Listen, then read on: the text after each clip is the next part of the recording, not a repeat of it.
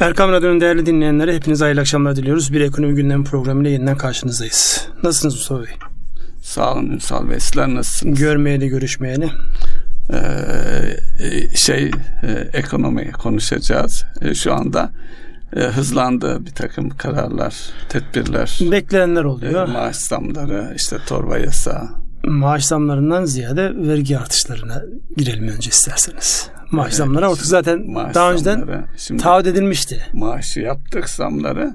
E, nereden ödeyeceğiz? Hı, İkinci tamam. aşamasındayız. Yani. Tamam. Yani onu diyorsanız evet. Yani e, bunlar seçim döneminde taahhüt edilmişti. Yerine getirildi. Şimdi de e, biz bunu nereden ödeyeceğiz şeklinde. Yalnız emekliler gündemde şimdi o tartışılıyor.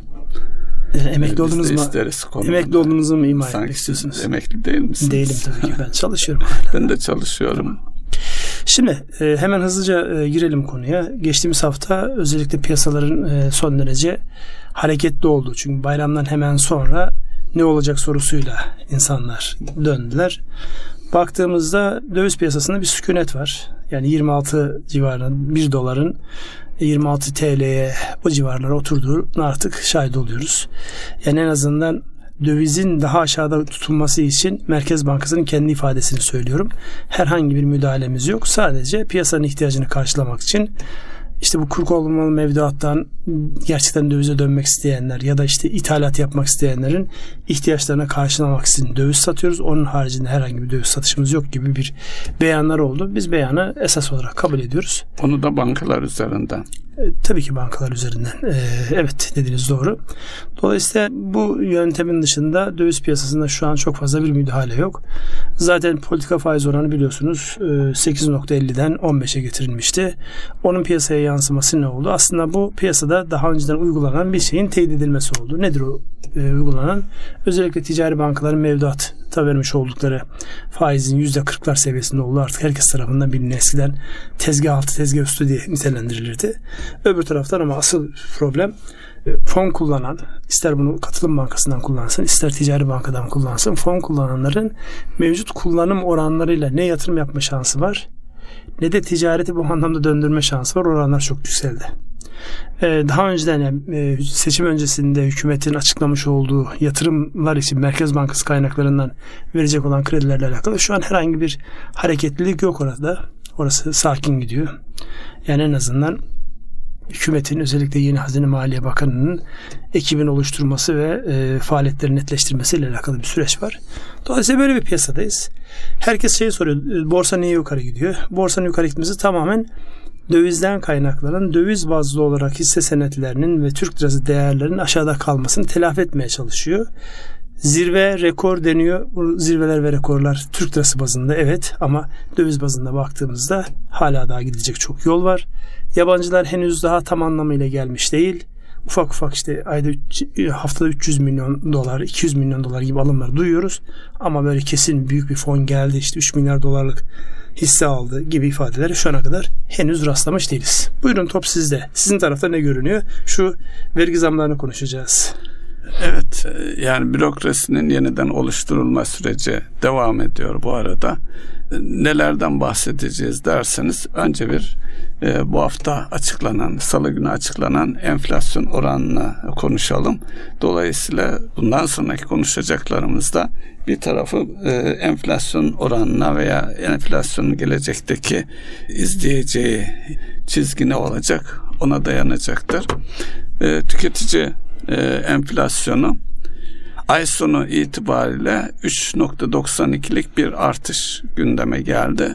Beklentiler biraz daha yüksekti. Beklentinin altında bir enflasyon var. %38,21 yıllık enflasyona tekabül ediyor. Tabii 3.92 oranı enflasyonun artmaya devam ettiği şeklinde yorlama, yorumlamamız gerekir. Her ne kadar baz etkisi yani bir yıl önceki oranın çıkıp yeni oranın girmesinden ötürü böyle bir e, şey söylememiz lazım. Harcama gruplarına göre yıllık değişim neler nelerden oldu diye bakacak olursak %67 e, ile otel ve lokantalar, %65 sağlık, yine aşağı doğru gıda ve alkol içecekler, eğitim, çeşitli mal hizmetler, ev eşyası, eğlence, kültür ve alkollü içecekler olmak üzere 38.20 bin üzerinde olan kalemler. Altında olan kalemlerde hemen çok yakın haberleşme giderleri 37,04 giyim ve ayakkabı, ulaştırma ve konut. Konutta 14 ile en aşağıda yer alıyor. Yine aylık enflasyona baktığımız zaman e, enflasyonda en fazla e, alkollü ürünlere yapılan bir zam vardı. Onun etkisi 11 %11'lik bir artışa tekabül ediyor. Ulaştırma %7-8 seviyelerinde. E, bu arada lokantalar 4,32. Yine haberleşme 3.91 ile e, tüfeğe çok yakın e, ve altında. Son zamanlarda da belki dikkatiniz çekmiştir. E, haberleşme giderleri özellikle internet e, paketlerinde artışlar dikkati çekiyor. Ee, yine en az artışta e, sağlıkta 1,21 olarak ifade edebiliriz. Enflasyonun görünümü aşağı yukarı bunu gösteriyor. Tüketici enflasyonu e, normalde Haziran özellikle gıdaya daha bağlı olarak şeyin düştüğü bir dönem olması gerekirken gıdada 3,02'lik bir artış var.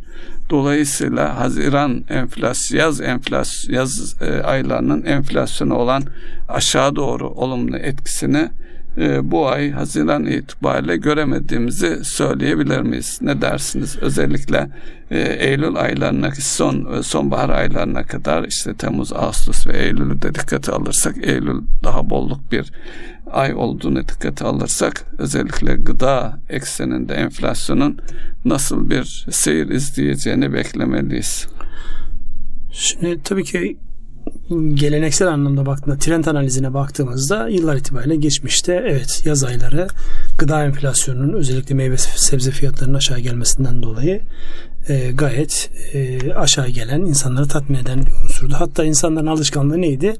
Özellikle Ağustos sonu Eylül başında kurutmalık şeyleri alıp evet. onları bütün kış boyunca tüketmekti yani eski geleneklerde.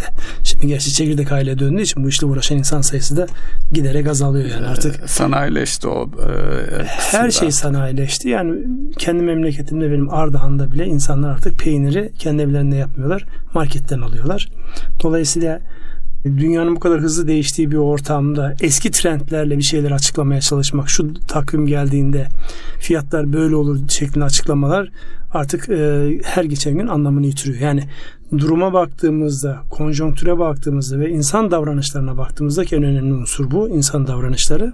Artık insanlar daha günlük yaşar hale geldiler daha günlük ihtiyaçlarını o an tedarik etme böyle kış dönemi uzun dönemi şeylerden çıktı artık. Dolayısıyla ben e, yani söylediğinize teorik olarak evet diyeceğim ama pratiğe baktığımızda dün beraber işte bir markete girdik çıktık. Kiraz fiyatı kaç Fred? Evet. 100 lira. 100 lira yani. Ya bu ülkede kiraz eğer insanlara 100 liraya siz sunuyorsanız artık diyecek çok fazla bir şey yok. Bunun gerekçesi işte e, kirazın özellikle nitelikli kaliteli kirazlar işte yurt dışına ihraç ediliyor falan tamam bir doğruluk ama netice itibariyle siz kendi insanınıza yurt dışına kur farkı da geliyor. Sizin 100 lira dediğiniz şey 4 dolar. Yani 4 lira diye düşünün. Evet. Şey anlam 4 liraya yurt dışındaki adam Amerikalı 4 liraya yiyor sizin kirazınızı. Siz 100 liradan dolayı insanınıza kiraz yediremiyorsunuz. İşte globalleşmenin en e, yakıcı tarafı da bu. Herkes globalleşelim, işte dünyayla entegre olalım, her şeyimiz alınsın, satılsın diyorsunuz. İşte dünyanın özellikle eğer siz kurları yönetemiyorsanız, kur savaşlarında zayıf taraftaysanız, eliniz kuvvetli değilse dünyanın enflasyonunu size e, ödetiyorlar. Daha doğrusu sizin ulaşamadığınız değerlere o kur savaşlarındaki galip olmuş olan ülkelerin insanlara ulaşabiliyorlar. Hele bir de siz o insanlara tasarruflarınızı götürüp e, dolara, euroya bağlıyorsanız bir de o insanlara bedavada kaynak da veriyorsunuz. Evet. Biz yemedik buyurun siz yiyin şeklinde. Orada farklı bir noktaya geliyor. Onun için bir taraftan evet dediğiniz doğru. Trend olarak Ağustos sonu Eylül başında gıda fiyatlarında biraz aşağı gelme olacak gibi ama bir taraftan da okullar açılıyor, insanlar evlerine dönüyorlar. Yeni fiyatlamalar gündeme geleceği için ben o trendin çok aşağı geleceği düşüncesine değilim. Biraz uzun cümle oldu ama Düşüncem bu yönde. Turizmin etkisiyle de özellikle e, yaz aylarında gelen turist sayısındaki artışa bağlı olarak gıda fiyatlarının aşağı gelmesini engelleyen bir unsur olarak da görülebilir özellikle bazı bölgelerde. Evet bunların hepsini not olarak düşmek lazım. Artık biz e, diyorum ya e, olay sadece bir tarafa tedbir aldık orası düzeldi şeklinde değil büyümek için ihracat diyoruz. İhracat dediğimizde de üretebildiğimiz her şeyin uluslararası satın alma gücüyle e, karşılaştırma noktasına geliyor. O da bizim aleyhimize. Şimdi üretici fiyat endeksinden de bahsedelim. Aylık yüzde altı buçukluk bir artış söz konusu. Yıllık 40.42 seviyesine geliyor. Bir diğer açıdan e, e, tüketici enflasyonuyla üretici enflasyonu arasındaki makas kapanmış durumda. Ancak bu aylık orada da artışlar devam ediyor olması bir geçişkenlik etkisini yani enflasyonun, tüketici enflasyonun en çok toplumu ilgilendiren taraf olarak aşağı gelmesinde e, bir e, engel teşkil eder mi? O açıdan yorumlayabilir miyiz? Engel teşkil eder mi? Ee, şimdi katlanılan bir maliyet varsa bu maliyet kesinlikle yansıtılıyordur. Ee, biliyorsunuz uzun sene, e, uzun yıllar biz de buradan yani o aradaki farkı yorumlarken işte fiyatlara yansıtamıyor diye bir şehir efsanesi bir taraftan da bir palavrayı onun arkasına durduk. Yani üreticiler katlandıkları maliyetleri fiyatlara yansıtamıyorlar gibi bir şey. O ne zaman olur? E, rekabetin çok yoğun olduğu ortamda olur. Fiyatı azıcık yukarı getirdiğinizde müşterinin sizden mal almadığı dönemde olur. Bir ara hatırlarsanız 60-70 puan fark vardı üretici fiyatı ile tüketici evet. arasında ve onu açıklarken de istatistikçilerimiz ve ekonomistlerimiz ne diyorlardı? İşte üreticiler fiyatlara yansıtamıyorlar henüz. E nasıl kapandı peki bu fark? Önce ben onu sorayım. 2022'nin 10-11. E, aylarında gayet güzel yansıttılar. 150-160 arasında bir enflasyon vardı. Aynen öyle. Gayet güzel yansıttılar. Dolayısıyla bu bir hani kağıt üzerinde baktığındaki fark görüyorsan o farkı işte üretici yansıtamıyor gibi böyle açıklamalar gitmek sağlıklı değil. Şu an gayet net bir şekilde gelmiş durumda. Diğer bir husus maliyetlerdeki özellikle düşmeyen yani baktığınızda biz hala ciddi bir enerji ithalatçısıyız. Hala ciddi bir sermaye açığımız var.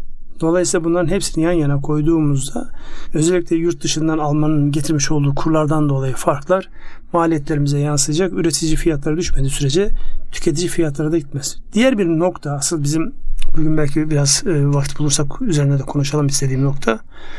Sanayicilerimiz e, yurt dışı rekabette zorlanmaya başladılar. Kurlar 26'ya gelmesine rağmen zorlanmaya başladılar. Sebep içerideki Türk lirası maliyetler. Yani birinci ayda asgari ücret, yedinci ayda asgari ücret e, te yapılan zamları düşündüğünüzde kur artışınız bu zamları karşılayacak bir artış değil. Dolayısıyla Türk lirası maliyetler çok ciddi artarken kurun ancak işte şimdi %30'lar toplamda baktığınızda %30'lar seviyesinde artmış olması o maliyetlerde sizi rekabetçi tutmuyor. Dolayısıyla e, buradan baktığımızda hani kur daha yukarı gider mi sorusunun cevabı gitmemesi iyi olur maliyet olarak yansımasını, enflasyon olarak evet. yansıması. Fakat eğer siz modelinizi ihracat üzerine kurguladıysanız yurt dışından döviz fiyatını düşürecek yeni bir girdi olmadığı sürece ihracatçılarınızın şu anki içeride oluşan TL maliyetlerden dolayı o rekabette çok önde olacağını düşünemiyorum. Öbür tarafta da malum belki oralara da şey yaparsınız e, siz de yenirsiniz. Son dönemde hazır giyim üreticilerinde, konfeksiyon üreticilerinde üretimin bir kısmının yurt dışına daha e, makul olan ülkelere, Bangladeş gibi, Vietnam gibi ülkelere transfer edildiği geçenki bayram öncesinde konuşmamızda da bunu söylemiştik. Buralara çok ciddi bir üretim kayması var. E bu da zorunluluktan kaynaklanıyor. Eğer siz ekonomiyi rasyonelite üzerine kurguluyorsanız ki davranışsal iktisat rasyoneliteyi kabul etmez bu anlamda. Yani hissiyattır orada önemli olan. Rasyonellik diye bir şey söz konusu değil. Ve insan eğer para kazanacaksa o parayı kazanmak için ne gerekiyorsa onu yapacaktır. Üretimin ille de Türkiye'de yapacağım diye yani e, şey iyidir. Yerlilik, millilik yani bu tip duygularla ülkeye bağlanmak değerler önemlidir ama bir de ekonominin gerçeği var. Ayakta kalabilmek için siz o dünyanın köy haline döndüğü yerden yararlanmak zorundasınız. Dolayısıyla öyle bir kayış da var onu da görmek lazım. Evet e, tabi bu arada e, ihracatçıların rekabet edebiliyor olması lazım. E, bunun yanı sıra şunu da dikkate almamız lazım. Şimdi küresel bir enflasyon var. Özellikle bizim e, daha çok ihracat ve ithalat karşılıklı ticaret ortağı diyebileceğimiz Almanya'ya baktığımız zaman orada da resesyonun ayak izleri e, var. Orada da bir takım e, sesler gelmeye başlıyor. Oradaki resesyon ihtimali yani dar, piyasaların daraldığı bir koşulda doğal olarak bizim o piyasalara ihracat yapma şansımızın azalacağı veya fiyatların daha rekabetçi olmak daha e, rekabetçi ve fiyatlarla gitmemiz lazım. İşin e, enerji tarafına da değinmek lazım. Bu e, petrol fiyatlarının bu seviyede olması lehimize gibi duruyor. En azından aşağı gelmese bile artmıyor olması. Bu konuyla ilgili de bir beklenti neler olabilir? O konuda bir görüşünüz Şimdi burada petrol fiyatlarının uzun zamandır 70-80 bandında olması evet bizim lehimiz olan bir e, hadise. Öbür taraftan işte e, umudumuz olan Karadeniz'deki gaz işte e, Güneydoğu'da petrol, başlayan petrol. Evet. Doğu Akdeniz henüz daha e, onun için erken yani orada e, gidilmesi gereken ciddi mesafe var. Onlar tabii bizim e, faturamızı azaltacak unsurlar nispeten azaltacak unsurlar. Kaldı ki Karadeniz e, doğalgazının çıkmasıyla beraber en azından işte doğalgazda işte evde kullanılan doğalgazla alakalı onun da işte enflasyona pozitif bir etkisinin olduğunu e, söylemiştik. Çünkü orada bir bedava kullanımla alakalı bir süreç vardı. Şimdi burada petrol fiyatları burada olmakla beraber özellikle son dönemde malumunuz Türkiye'de e, Türkiye'de değil dünyada e, elektrikli otomobile doğru bir kayma var. Burada e, bize de sayılar giderek artıyor. E, belki e, şeyde değinmekte fayda olacak. Yani ikinci el ve birinci el otomobil satışları, evet. yerli İtalya'da otomobil satışları onların istatistikleri Yeni yayınlandı. Yeni bir düzenleme geldi. Onunla ilgili biliyorsunuz. ee, yani resmi sıfır aracın resmi fiyatının üzerinde ikinci el e, fiyatı olamayacaktı. Halbuki bakıldığında komik duran bir durum. Yani nasıl olur da ikinci el birinci elden daha yüksek olur ama şu anda bu enflasyondan ötürü insanların kendini koruma adına geldikleri bir nokta. Şimdi biz kendi içimizde söylerken biraz böyle cümlelerde imtinalı davranıyoruz da geçen gün İngiltere Merkez Bankası Başkanı'nın yapmış olduğu bir açıklama vardı. Orada doğrudan aynı bir dönemde bizde de hedeflendi. Marketleri hedefleyerek yani piyasa tutucuların katlanmadıkları maliyetleri nihai tüketicilere yansıttıkları ve burada ahlaki bir erozyon olduğu ile alakalı bir şeyden bahsediyor. Bizdeki şu an otomobildeki e, durum çok net. Yani siz de görüyorsunuz. Evet. Özellikle lüks sitelerin e, garajları naylon açılmamış araçlardan geçilmiyor. Dolayısıyla kendi elimizde oluşturmuş olduğumuz bir tuzak bu. Yani az önceki söylemiş olduğumuz o rasyoneliteden dolayı yani genel anlamda şeye bakmaz. Kişi kendi menfaatinin maksimum olmasına bakar ama bir realite var. Kendi elimizi yukarı doğru götürüyoruz. Bütün galeriler, bütün şeyler araba dolu. Ama almaya kalktığınızda fiyatlar anormal yukarıda. Şimdi buranın önünde e, e, fiyatları engellemek için bakanlık ne yapıyor? İşte ikinci el fiyatları birinci eli geçemez diyor.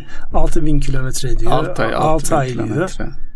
E de burada bu çözüm değil. Bu sadece yani şu anki sıkıntıya sağından solundan yama. Yani problem bununla çözülür mü? Çok emin değilim. Yani şey önerileri var. Geçmişte de yapıldı işte ikinci el araç oto, şey ithalatının önünün açılması falan gibi öneriler var ama e, sizin zaten döviz bulmakta zorlandığınız dönemde bir de ülkeyi ikinci el araba çöplüğüne döndürmenin de bir anlamı yok. Yani. Ama çözüm de bu değil ve burada yani vicdani anlamda baktığında gerçekten yani bu ticaretin ne kadar acımasız bir şey olduğunu bir kere daha görüyorsun.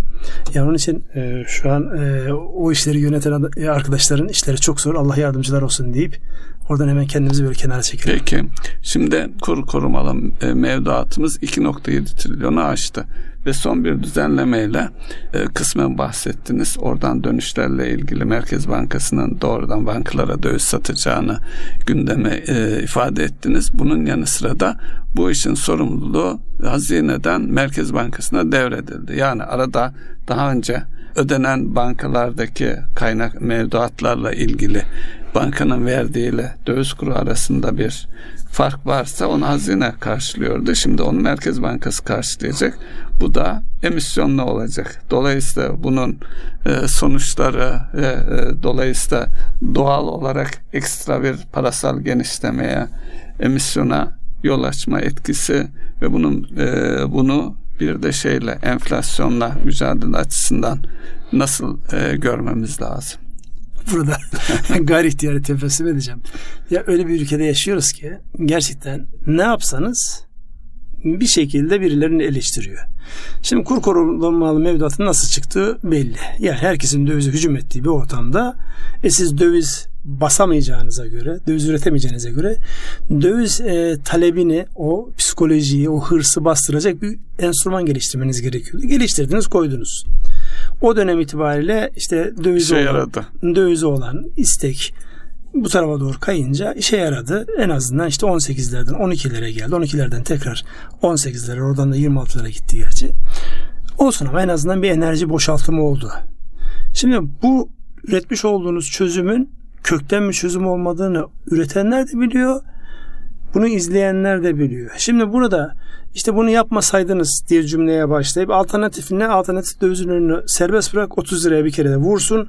İşte insanlar bir ne derler enerjilerini boşalsın. E tamam da bunun enflasyona yansıması. Öbür taraftan da şunu söylüyorsun. İşte enflasyon nasıl bu kadar yüksek enflasyonda iktidar devam etti falan diye de bir, bir şeyini yapıyorsun.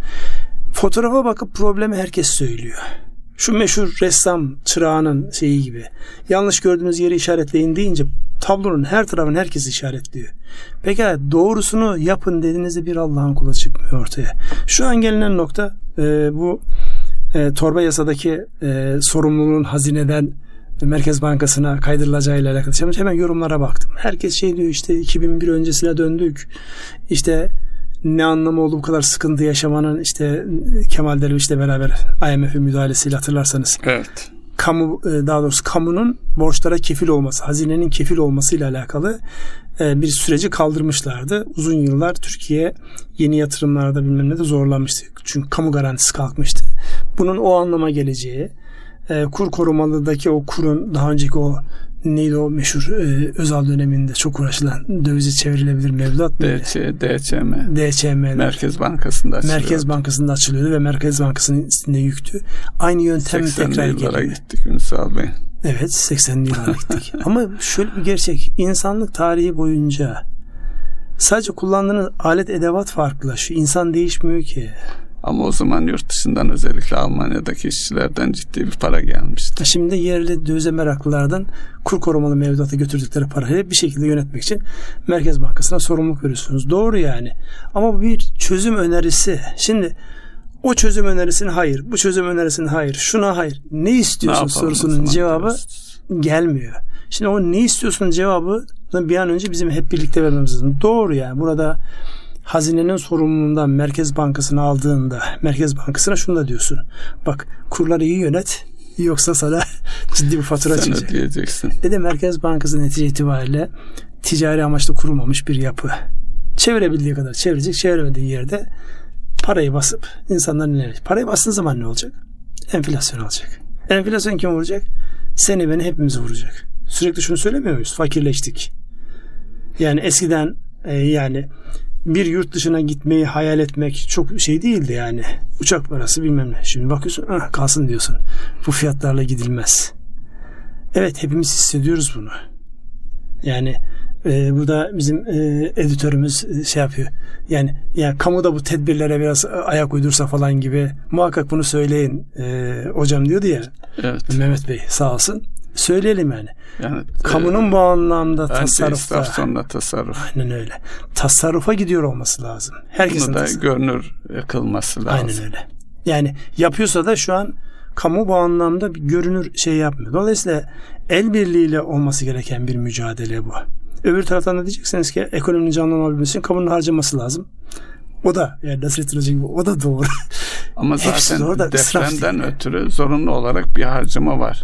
Öncelik deprem oraya e, yatırımlar e, son sürat ve hızlı bir şekilde devam etmeli. Ama onun ötesinde de şu da dikkat çekiyor. Şimdi belediye seçimleri yaklaştığı için klasiktir. Özellikle e, yol kaldırım şu bu filan yenileme e, bir adeta makyaj etkisi yarat, yataca- yaratacak şeyler var görüyoruz yani yollarda filan belki onları frenlemek lazım. Evet. Neyse yani konudan konuya geçtik.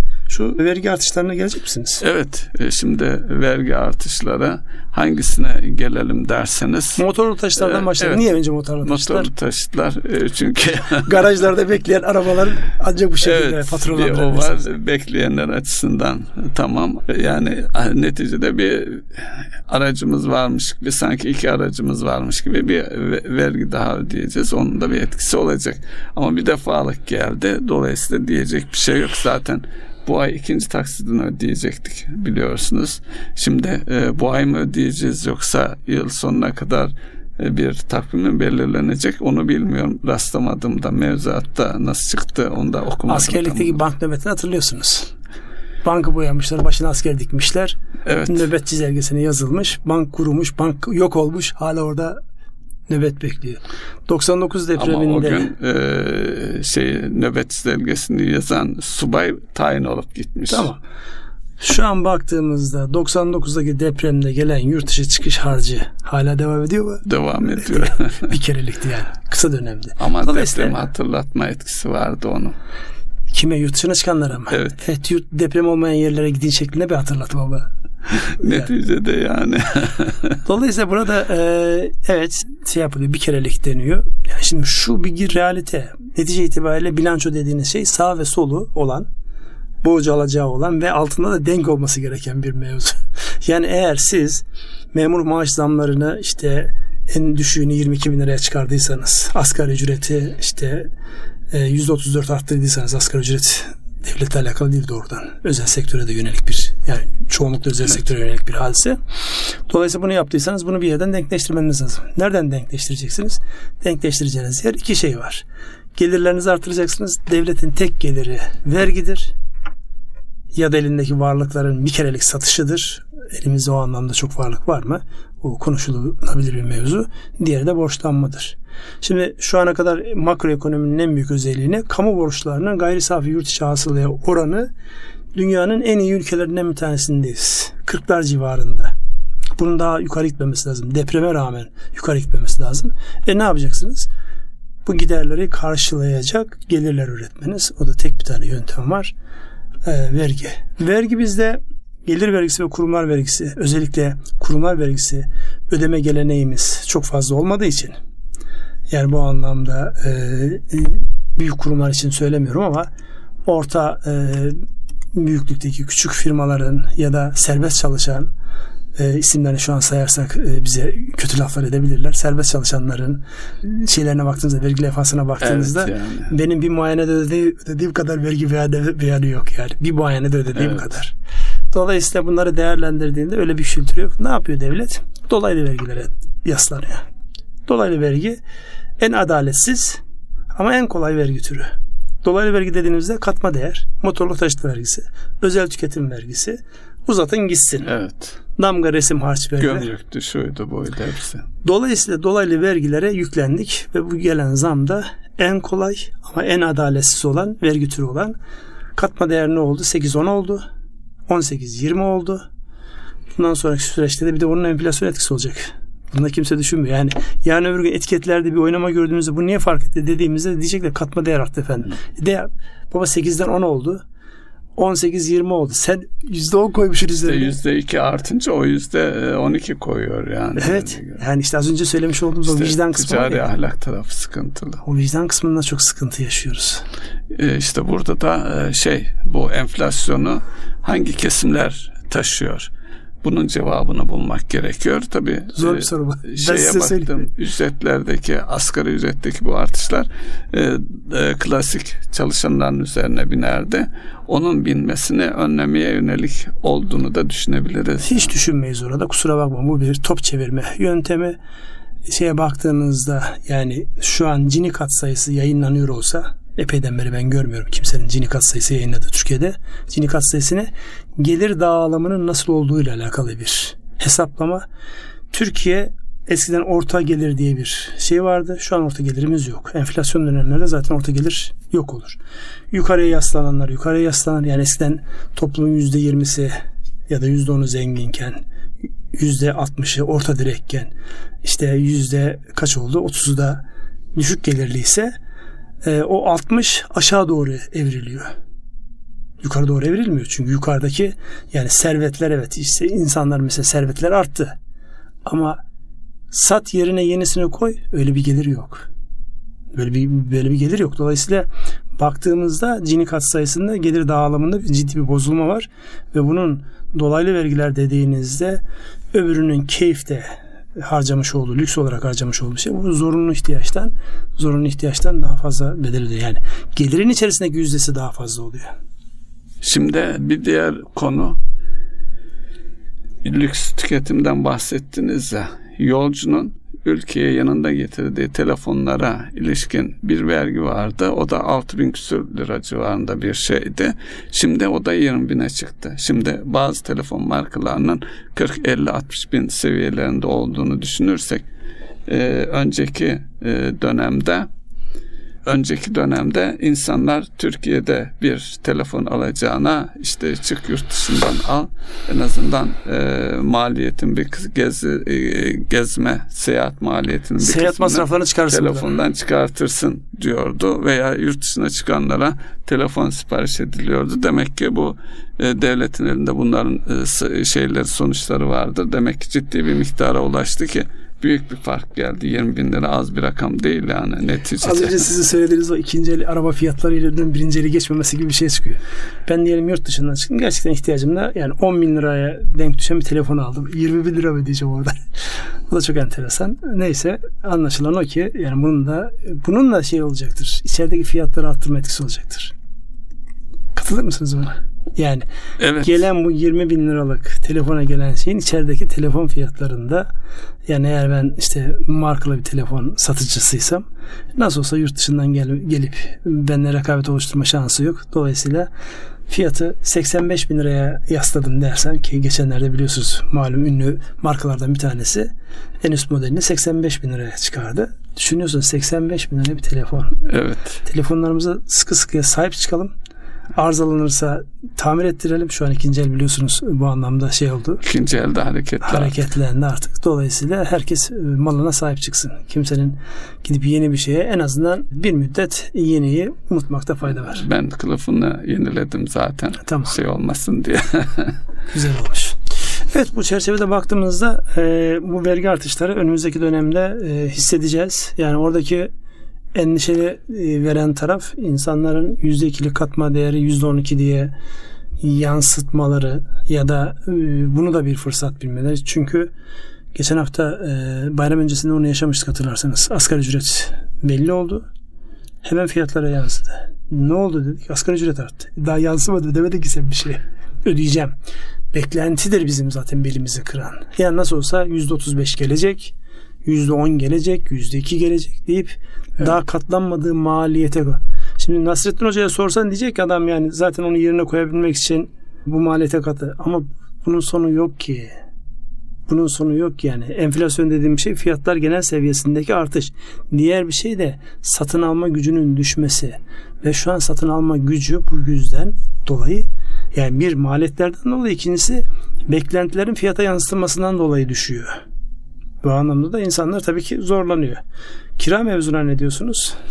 %25'te sınırlandı. %20. Sizin ben biliyorum emeklisiniz ve kirada bir tane eviniz var. Evet. Ne yapıyorsunuz? Yapacak bir şey yok yani. Neticede o da e, e, önemli bir unsur yani kiracıla e, şu bilgi önemli bir bilgi.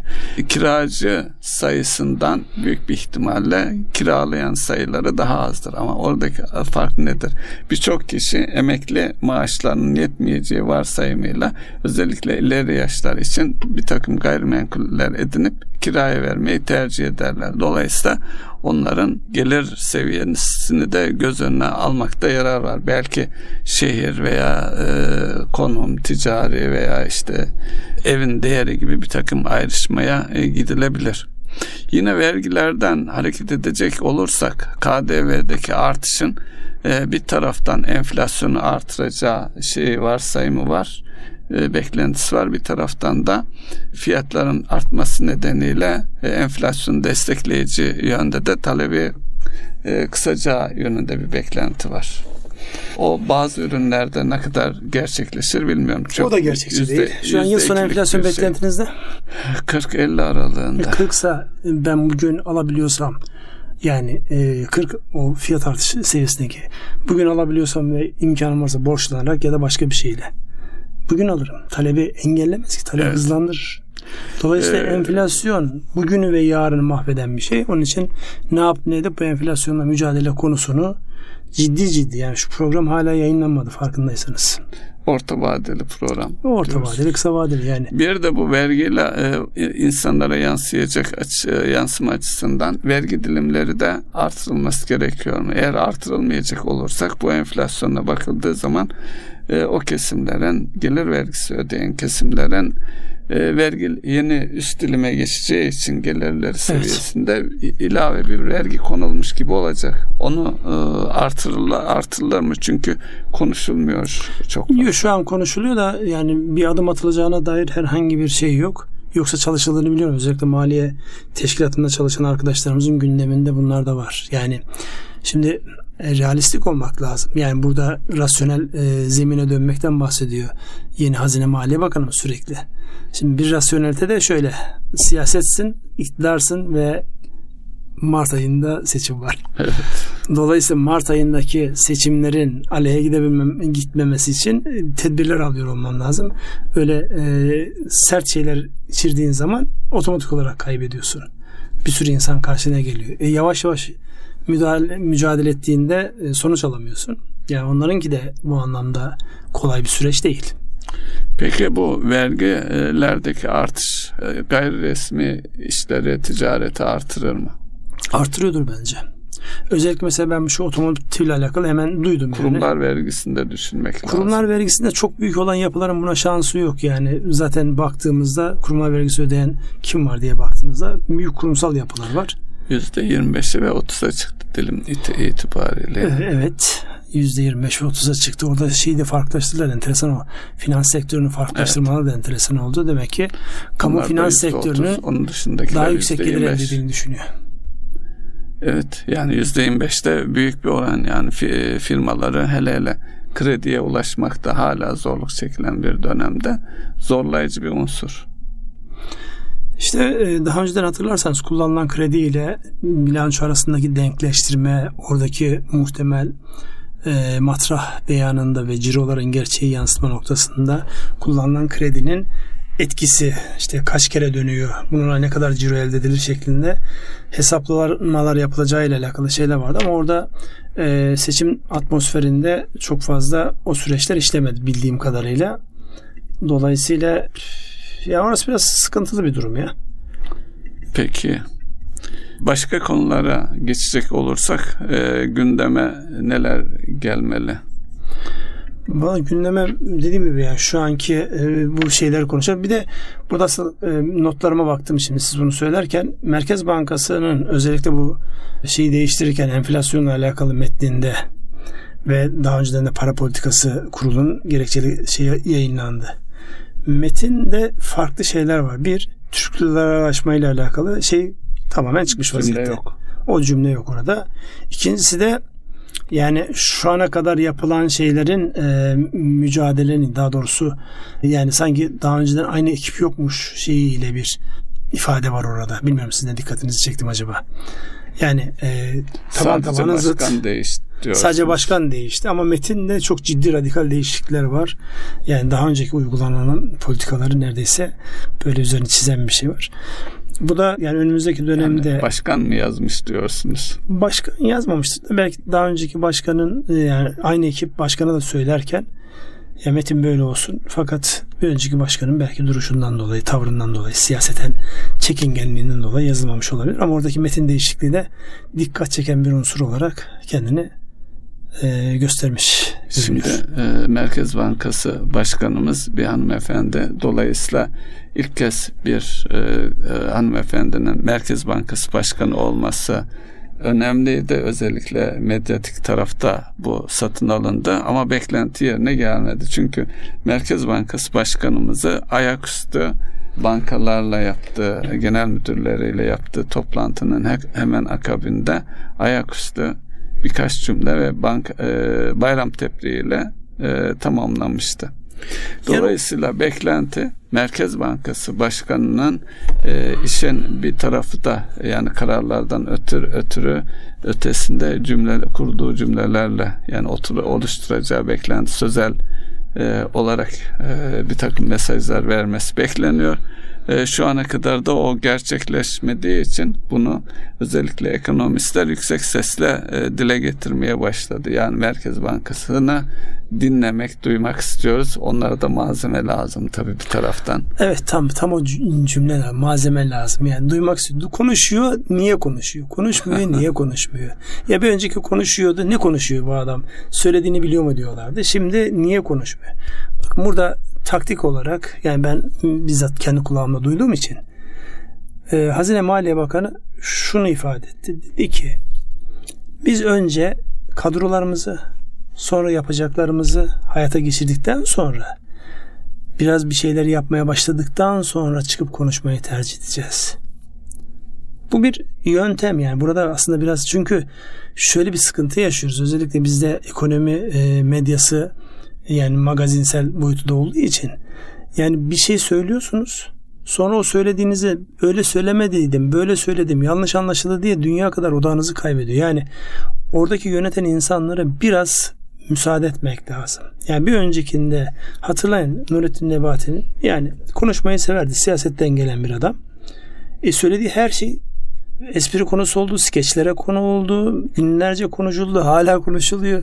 Yani biraz müsaade etmekte fayda var. Yani bu bu kadar şeye gerek yok. Tabii ki yani şunu görmek isteriz. Çünkü bu hanımefendiyle alakalı da yok işte e, en son çalıştığı bankayı batırdı da bilmem ne şeklinde spekülasyonlar yapılarak aşağı çekildi. Ama bir müsaade etmek lazım. Yani bir yeni bir mahalleye, yeni bir eve taşındığınızda bile adapte olmak için bir çevreye bakarsınız. Adapte olursunuz. Market nerede, bakkal nerede, komşular nasıl. Yani bir insanla bir adapte olsunlar. Ondan sonra çıkar konuşurlar ki ya ben yani temsil boyutunda çıkıp bir şeyler anlatma konusunda hiç sıkıntı yani Amerikan ekolüyle yetişmiş, çalışmış olan insanların o konuda hiç sıkıntı yaşayacaklarını düşünmüyorum. Evet ben de öyle düşünüyorum yani, ama merakla da bekliyoruz ne konuşacak, neler hani, söyleyecek. Şov lazımsa şovu da yaparlar da bence şu an biraz icraat. Ondan sonra daha rahat konuşursun. Evet süremizin sonuna geliyoruz. Ne diyorsunuz? Ee, evet e, özellikle e, bayramda geçirdik. 9 e, günlük bir tatil. Bu tatili İstanbul koşullarında trafikten gördüğümüz kadarıyla henüz tatilden dönmemiş insanlar var. Sanıyorum onlar onlar tekrar görmek için Eylül'ü bekleyeceğiz. Ama yazında işler devam ediyor olacak. Şimdi bu bayram ekonomisinin ülke etkisiyle alakalı bir tane şey, eski bürokrat şu anda işte akademisyenlik yapıyor. Denk geldi. 3 ya da 4 kanalda gördüm. Canlı yayında aynı cümlelerle. Böyle olur mu? İşte kimin cebinden veriyorsunuz bu otoyol paralarını? Bürokrat olduğu zaman ben merak ediyorum. Arkadaş ne yaptı acaba? Yani hani e, mangalda kül bırakmamak diye tabir edilir ya. Yani zor bir süreç. Dolayısıyla insanların biraz daha bu anlamda insaflı davranması. Tabii dikkat çekelim yani. Özellikle e, işte nedir şu yap işlet devlet ya da kamu or, özel ortak girişiminde olanlarda şey yok. Ücretsiz değil, ötekiler ücretli, şey ücretsiz, e, onlar ücretsiz, ücretli. Şimdi burada baktığında tamam eleştirebilirsin bunu ama bir çözüm, bir model bir taraftan da şey de istiyorsun. Çanakkale Köprüsü hala zarar yazıyor. E tamam da yani müsaade et. Yani biraz kazansınlar. biraz Bu çalışsın arada kazansın. e, özelleştirilecek alanlar var mı? Özellikle mali disiplin e, gelir sağlama açısından o da konuşuluyor. Çok dedikodusu yapılıyor. Türk Telekom'u e, masaya getiriyorlar. Ne dersiniz tekrar? Türk, Türk Telekom var, Varlık Fonu'nun bünyesindeki e, Telekom varlıklar var. satılır mı tekrar? Türk Telekom satılır mı? Yani alıcısı olan her şey satılabilir. Eğer satmaya niyetlendiyseniz amacınız e, oradan bir kaynak elde etmekse ama şeyi yapmamak lazım tabii. Geçmişte yaşadığınız sıkıntıları tekrar yaşamamak. Aynı şeyler olmamalı diyorsunuz. Evet süremizin sonuna geldik. Erkam Radyo'nun değerli dinleyenleri e, bayram sonrasında ve hızlı dönüşlerin, hızlı tepkilerin olduğu bir haftada dilimizden döndüğünce bu hafta yorumlamaya çalıştık. Hepinize hayırlı akşamlar diliyoruz. Hayırlı akşamlar.